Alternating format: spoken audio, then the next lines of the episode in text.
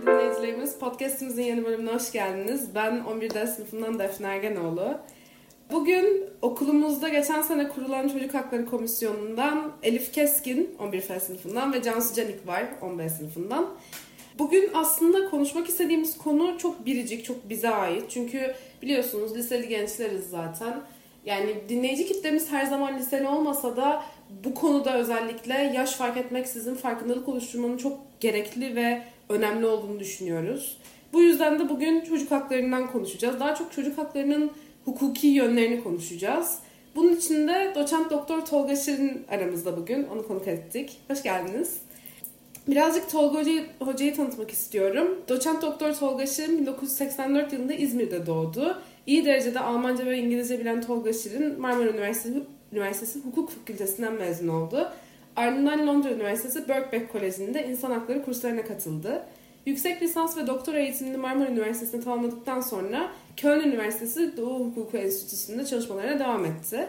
Özellikle de anayasa hukuku hakkında ulusal ve uluslararası birçok bilimsel çalışmalar yayınlayan Tolga Şirin'in insan hakları, anayasa hukuku, ekolojik haklar gibi çeşitli konularda bir sürü kitabı var.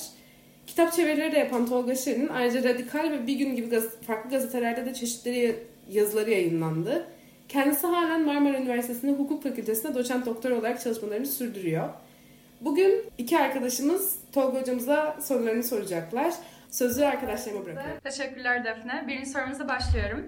Ee, ulusal insan hakları mekanizmalarının çocuk haklarını etkileri nasıl değerlendiriyorsunuz? Şimdi ulusal insan hakları e, mekanizmaları birden fazla var bizde. Bir tanesi bunun kamu baş denetçisi dediğimiz mekanizma. Diğeri Türkiye İnsan Hakları Kurumu diye bir mekanizma. Bir de mahkemeler var. Şimdi bu ilk iki söylediğimde bir kere şöyle bir sorun var. Bunlar çok bağımsız mahkemeler değiller. Şey bağımsız kurumlar değiller pardon. E, özellikle hükümet tarafından atanıyor üyeleri. Dolayısıyla tam tarafsız ve bağımsızlığı erişemedikleri için, bu düzeye erişemedikleri için ve normalde çocuk hakları ihlalleri hükümet tarafından eğer bir ihlal varsa gerçekleştirilmesinden ötürü yani hem ihlali gerçekleştiren hem de onu denetleyen aynı özne olduğunda bunların çok etkili olduğu söylenemiyor.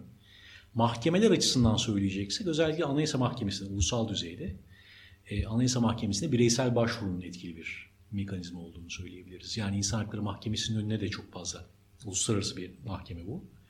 Dava geliyor. O davalar Anayasa Mahkemesi'nin filtresinden geçiyor ve Anayasa Mahkemesi'nin yer yer insan hakları yani çocuk haklarına ilişkin ihlal belirlemelerini etkili biçimde yapabildiğini görüyoruz. Bunları söyleyebilirim. Yani insan hakları, e, Türkiye İnsan Hakları Kurumu, kamu baş denetçiliği gibi kurumların çok etkili olduğunu düşünmüyorum ama Anayasa Mahkemesi'ne başvurunun e, etkili bir yol olduğunu söyleyebilirim. Peki e, Avrupa İnsan Hakları Mahkemesi önünde Türkiye aleyhinde hangi çocuk hakları ihlali kararları var? Şimdi burada yani çok sayıda vakadan bahsedebiliriz ama Türkiye özelinde kamuoyunun dikkatini çeken olaylar daha çok din ve vicdan özgürlüğü ve eğitim özgürlüğü ile ilgili oluyor. Çoğaltabilirim bu arada şu şeyler de var. Yani başka kararlar da eğitimle ilgili mesela ayrımcılık bağlamında kimi kararlar verildi. Türkiye aleyhine de var, başka ülkeler aleyhine de var. Örneğin engelli olan çocukların eğitime erişimi, fiziksel erişimiyle ilgili sorunlar olabiliyor. Örneğin e, buna göre dizayn edilmemiş olabiliyor okullar. Kamu okulları için söyleyeyim. Bunda devletin yükümlülüğü vardır. E, örneğin tekerlekli iskemle ile gelen bir çocuğun hiç kimsenin yardımı olmaksızın o dersliğe erişebilir olması gerektiğini söylüyor mahkeme. Engel Hakları Komitesi de bunu böyle söyler. Birisine ricacı olarak bunun yapılması ihlali gidermiyor. Çünkü eşitlik yönünden sorun var. Siz eğer engelli değilseniz ve hiç kimseye sormadan dersliğe istediğiniz iradenizle ulaşabiliyorsanız pekala engelli kişi için de aynısının olması gerekir. Ekstradan birilerine bir şey söylemek zorunda ya da onun yardımını almak zorunda kalmamalıdır diyor mesela mahkeme. Bu bazen şöyle de olabilir. Dezavantajlı da olması durumunun kendisinin gözetilmesi ve buna bağlı pozitif ayrımcılık yapmayı da gerektirebilir. Örnek veriyorum mesela görme engelli, gerçi bu pozitif ayrımcılık değil aslında eşitliği sağlamak için olacak bir örnek. Örneğin sınav yapıyorsanız görme engelli birisi varsa ona Bril alfabesiyle soruların hazırlanması gerekir. E, aslında bu eşitliği sağlamak için yani görme engelli olmayan birisi direktman soruları e, farkına varabiliyorken görme engelli birisine ihtiyaç duymak zorunda kalmamalıdır. Mesela Engel Hakları Komitesi bunu böyle söylüyor. Burada ayrıca bir geçici özel önlem yani pozitif ayrımcılık denilen bir kavram var. Onu belki açabiliriz. Orada şöyle bir yön var. Şimdi eşitliği sağlamanız için matematiksel olarak söyleyeyim. Birisi eksi birde, birisi sıfırda diye düşünün. Siz ikisine de bir verirseniz birisi sıfırdan bire çıkarken biri de eksi birden sıfıra çıkar. Yani görüntüde eşit davranıyor gibi görünüyorsunuz. İkinize de bir verdim diyorsunuz. Bir puan mesela. E, bu analitik anlamanız için söylüyorum. Aslında burada eşitliği sağlamış olmuyorsunuz. Eşitsizliği devam ettirmiş oluyorsunuz. Yani sıfır ve eksi birlerken şimdi bir ve sıfıra dönüştüler. Peki ne yapmak lazım? Eksi bire bir tane daha vermeniz lazım ki o da bir haline gelebilsin. Buna geçici özel önlem derler hukukta. Veya burada bir ayrımcılık var ama pozitif bir ayrımcılık. Yani eşitliği sağlamak için ayrımcılık yapıyorsunuz. Dolayısıyla engelliler için söyleyeceksek örneğin ek bir kontenjan açılabilir. Bir üniversite sınavında tamamen atıyorum yani şu an bu konulara hakim değilim şey sınav puanlarına. 300 puanla alınıyorsa bir üniversite 300 puan alıyorsa görme engelliler için bunu 280'e çekebilir mesela. Bu geçici özel önlemdir, pozitif ayrımcılıktır. Çünkü görme engellinin performans yani o puanı almak için gösterdiği ek bir şeyi var. E, nasıl diyeyim? Ek bir çabasına gerek var. Yani bir okula ulaşması daha fazla fiziksel çabayı gerektiriyor. Ders kitabı her istediği kitaba ulaşamıyor. Biriyle olması lazım. Ekstra da çabası olduğu için o ekstra çabayı dikkate alarak bir hesap yapmamız lazım. Denkleştirmemiz lazım diyorlar. Yoksa sanki ikisi de her istediği kitaba hemen ulaşıyormuş, her istediği yere hemen fiziksel olarak erişiyormuşçasına muamele yaparsak sıfır ve eksi bir arasındaki duruma ikisine de bak ben eşit muamele ediyorum ikinize de birer verdim demek gibi oluyor. Bu eşitlik görüntüsü altında aslında eşitsizliği yeniden üreten bir durum yaratıyor gibi vesaire. Çok biraz uzun konuştum kusura bakmayın. bu ve buna benzer kararlar yani. Bu ilginçtir. Bu pardon şu açıdan da önemli. Kadın erkek eşitliği, engelli engelli olmayan eşitliği, e, azınlık grupları yani dinsel veya dilsel veya cinsel yönden azınlık durumunda kalmış olan kategoriler yönünden de uygulanıyor. Yani hayatta dezavantajlı durumda olan bu kesimlere dönük geçici özel önlem tedbirleri önerilir eşitlik ilkesinin hayata geçirilmesi için. Peki biraz daha dünya ve Türkiye genelinden bahsetmemiz gerekirse, e, dünya genelinde yasalarla çerçevelenmiş çocuk hakları ve ihlalleriyle Türkiye'dekiler arasındaki farklar nelerdir? Aynı zamanda dünyada ve Türkiye'de insan hakları olgusu ve bu hakların çocuklar bakımından uygulanması ne durumdadır?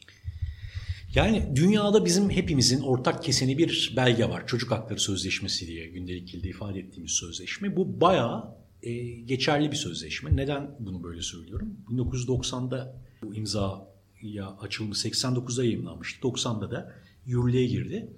196 BM devletinin taraf olduğunu görüyoruz. Bu bayağı bir mutabakat olduğunu gösteriyor. Yani dünyanın bugün 196 devletine gittiğinizde bu sözleşme geçerli. Demek ki insanlığın mutabık kaldığı bir metin.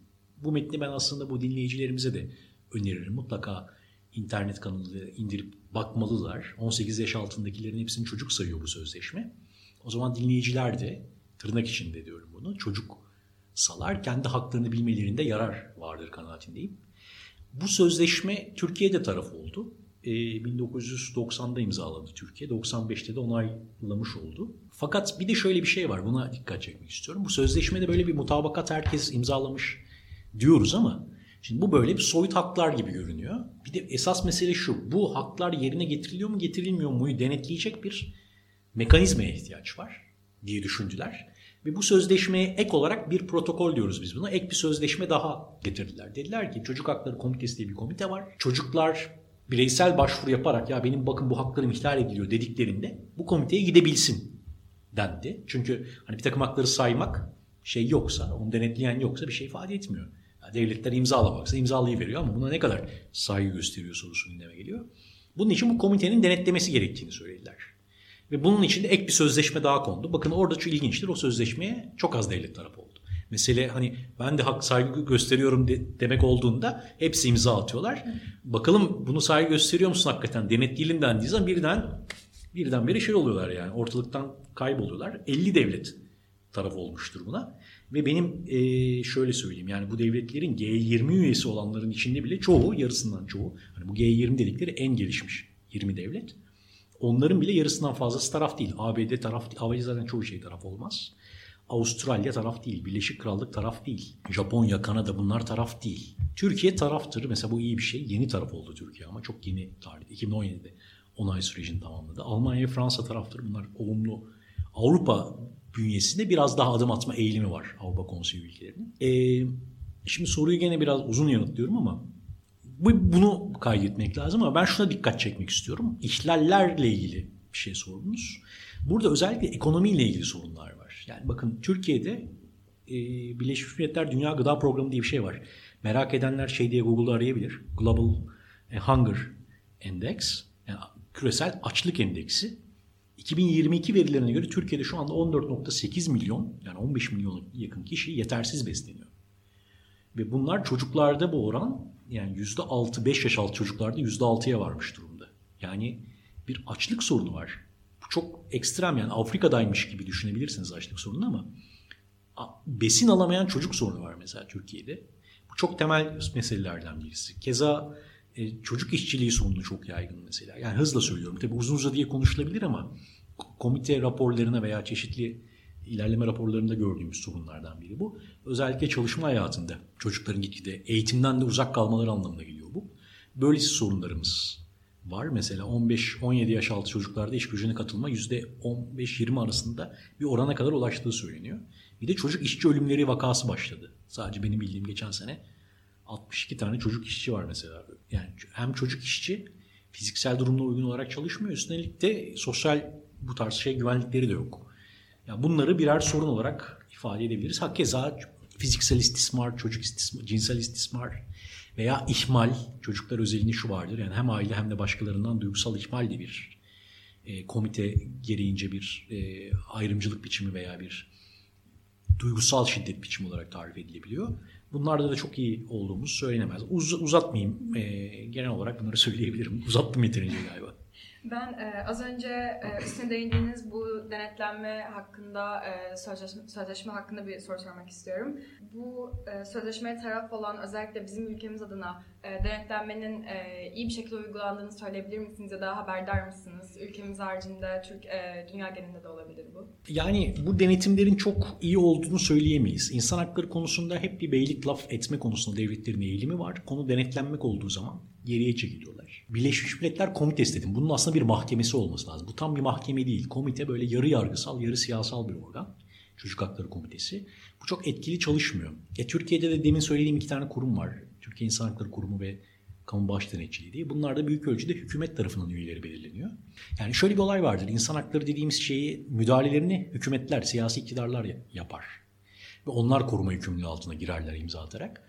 Şimdi hem yani başta da söylediğim gibi hem siz bunun faili hem de mağduru olamayacağınız ya da denetleyeni olamayacağınız için bu böyle bir şey tuhaflık yaratıyor. Dolayısıyla böyle bir yargı tarafsızlığı ve bağımsızlığı sorununun yanı sıra bu tarz komitelerin tarafsızlığı ve bağımsızlığı sorunu, uluslararası düzeyde de bunların bir mahkemeye dönüşememesi sorunu olduğunu söyleyebiliriz. Yani bence böyle sorunlar e, var. O zaman bunca yasaya rağmen yine de hala hakların ihlalini bu biraz önce saydıklarınıza bağlayabiliriz. Sadece bu değil. Yani bu da var ama ben daha çok şöyle görüyorum. Bu işler yani bizde hep şu soru sorulur. Sizlerin de aklında olabilir. Dinleyicilerin de aklında olabilir. Ya bu insan hakları ihlallerini niye gideremiyoruz? İhlaller var neden olmuyor? Şimdi bu biraz ekonomik bir mesele. Bunları ekonomiden bağımsız düşünmemeliyiz kanımca. Ee, yani bir ülke kalkındığı ölçüde bazı haklara saygı gösterme konusunda performans da gösterebiliyor. Yani burada bir diyalektik var. Yani insan haklarına saygı gösteriyorsanız kalkınıyorsunuz, kalkınıyorsanız insan haklarına saygı gösteriyorsunuz. Şimdi Avrupa devletlerinde bir ekonomik gelişmişlik var. Ekonominiz gelişmişse saygı gösterme marjınız gelişmiş. O da ona bağlı olarak gelişiyor. Yani iyi bir eğitim sunabilmek için iyi bir iktisadi gücünüzün olması lazım. Veya e, demin anlattığım gibi çocuk hakları bilincini yükseltmek veya ihlal varsa rehabilite etmek istiyorsanız mesela bir e, mağdurları e bunun için iyi bir ekonomik altyapınızın olması gerekiyor. E, veya çalışma, işte çocuk işçiliği sorununu aşmak istiyorsanız istihdam alanını genişletmeniz lazım. E bu da ekonomiyle ilgili bir konu. Yani eğitimdeki çocukların eğitim kalitesini arttırmak, kadın erkek arasında çocuk kız çocukları ve erkek çocukları arasında ayrımı aşmak için gene bu konuda e, yani bu geri bilinci aşabilmeniz lazım. Yani dönüp dolaşıp mesele aslında ekonomiye geliyor. Ekonomik açıdan gelişmeden bu konuları da adım atmak biraz havanda su dövmektir. Türkiye mesela insan hakları sözleşmesine taraf ama devamlı şu söyleniyor. Ya niye biz gereğini yapamıyoruz, niye gereğini yapamıyoruz? E çünkü ekonomik açıdan yeterince kalkınmış bir ülke değiliz. Dolayısıyla ekonomik bir yönü de var bu sorunun. Peki bu ihlal, toplum içinde bu ihlallerin karşısında cezaların artırılması sizce yeterli bir yaptırım mı? Yeterli değil ama gerekli bir yaptırım diyebiliriz. Çünkü e, cezasızlık dediğimiz İngilizce impunity diyorlar buna.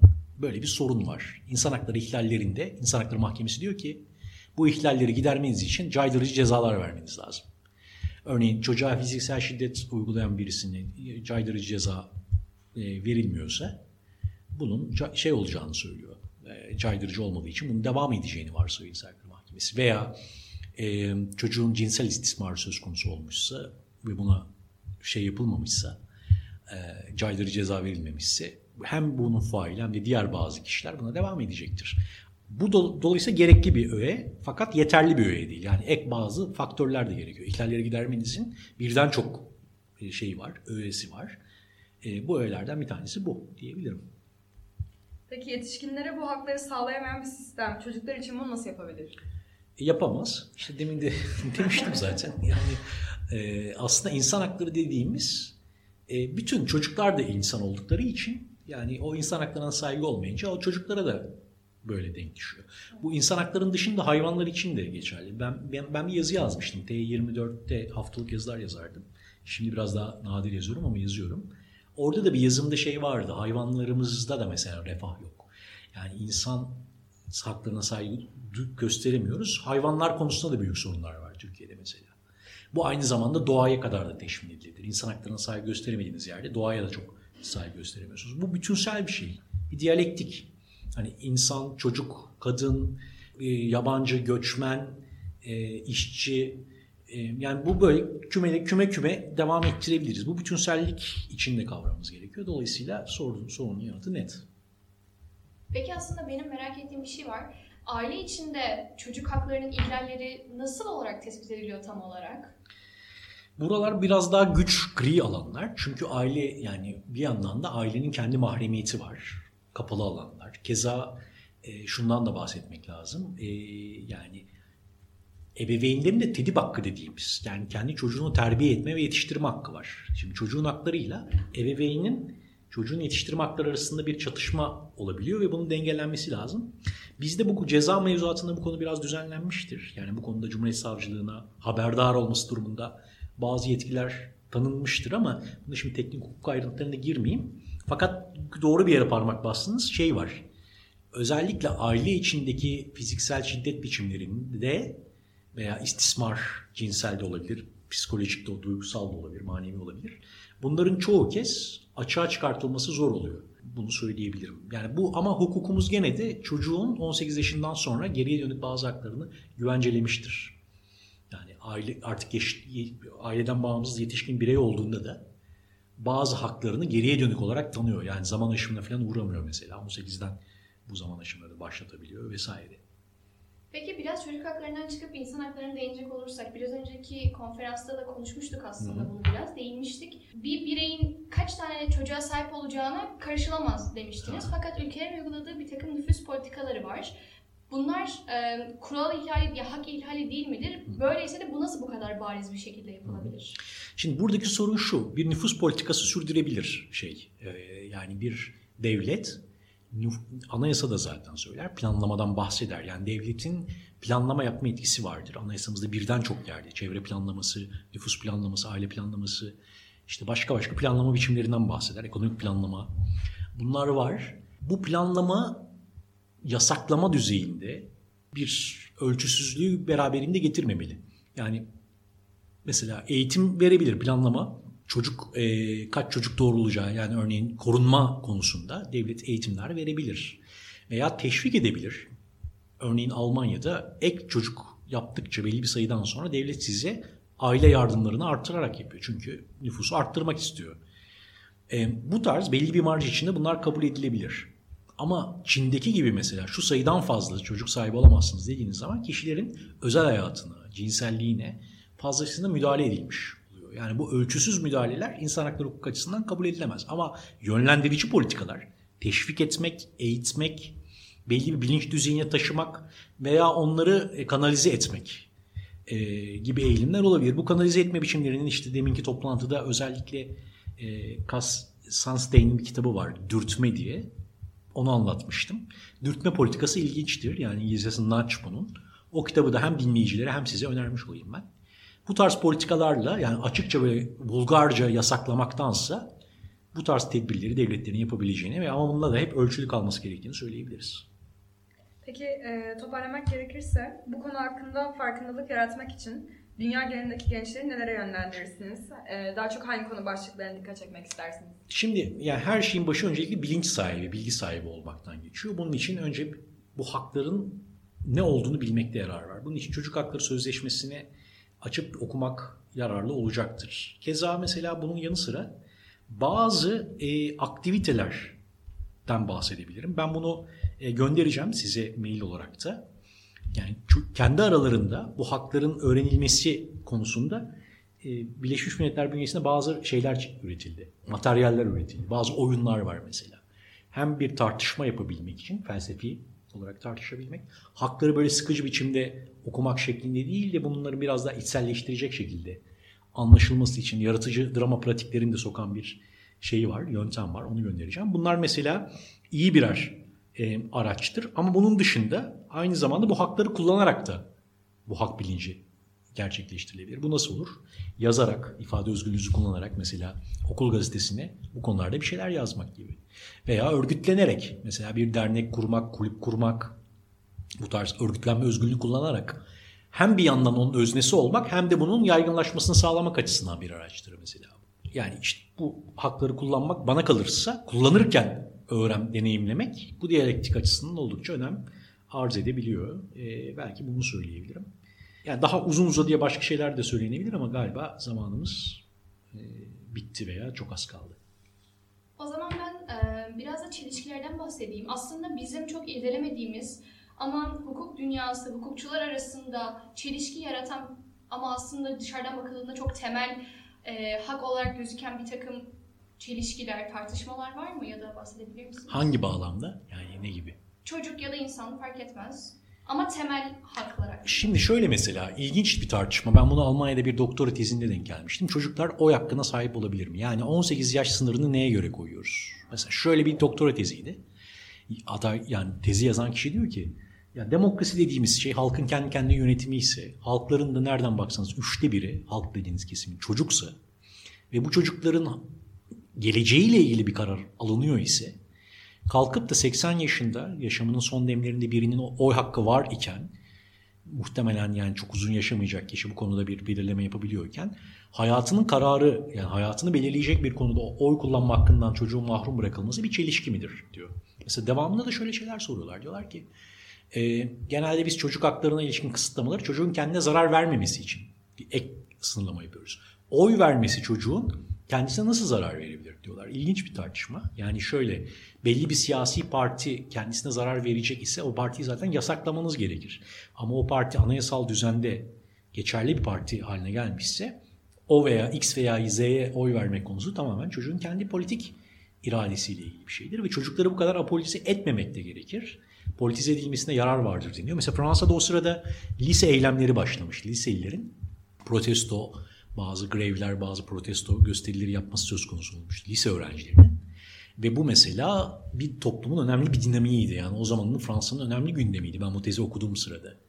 Dolayısıyla bunun iyi bir şey olduğu da söyleniyordu. Yani hani politika evet bir yönüyle zararlı gibi görünebilir ama politika aynı zamanda dünyaya dair bir şey düşünmek, tartışmak, özne olabilmek tarihe dair. Yani kendi geleceğine sahip çıkabilmek, kendi yurtuna bir yurtsever olarak onun meseleleriyle ilgili soru işareti e, yaratma ve ona cevap üretmeye çalışma etkinliği önemli bir şeydir. O hakkı da pekala ayırt etme gücüne sahip olanlar açısından daha geriye çekilebilir gibi bir tezdi. Ve bu çokça tartışma yarattı. Yani Latin Amerika'da bazılarının 16'ya indirdi mesela. 15'e indirenler var.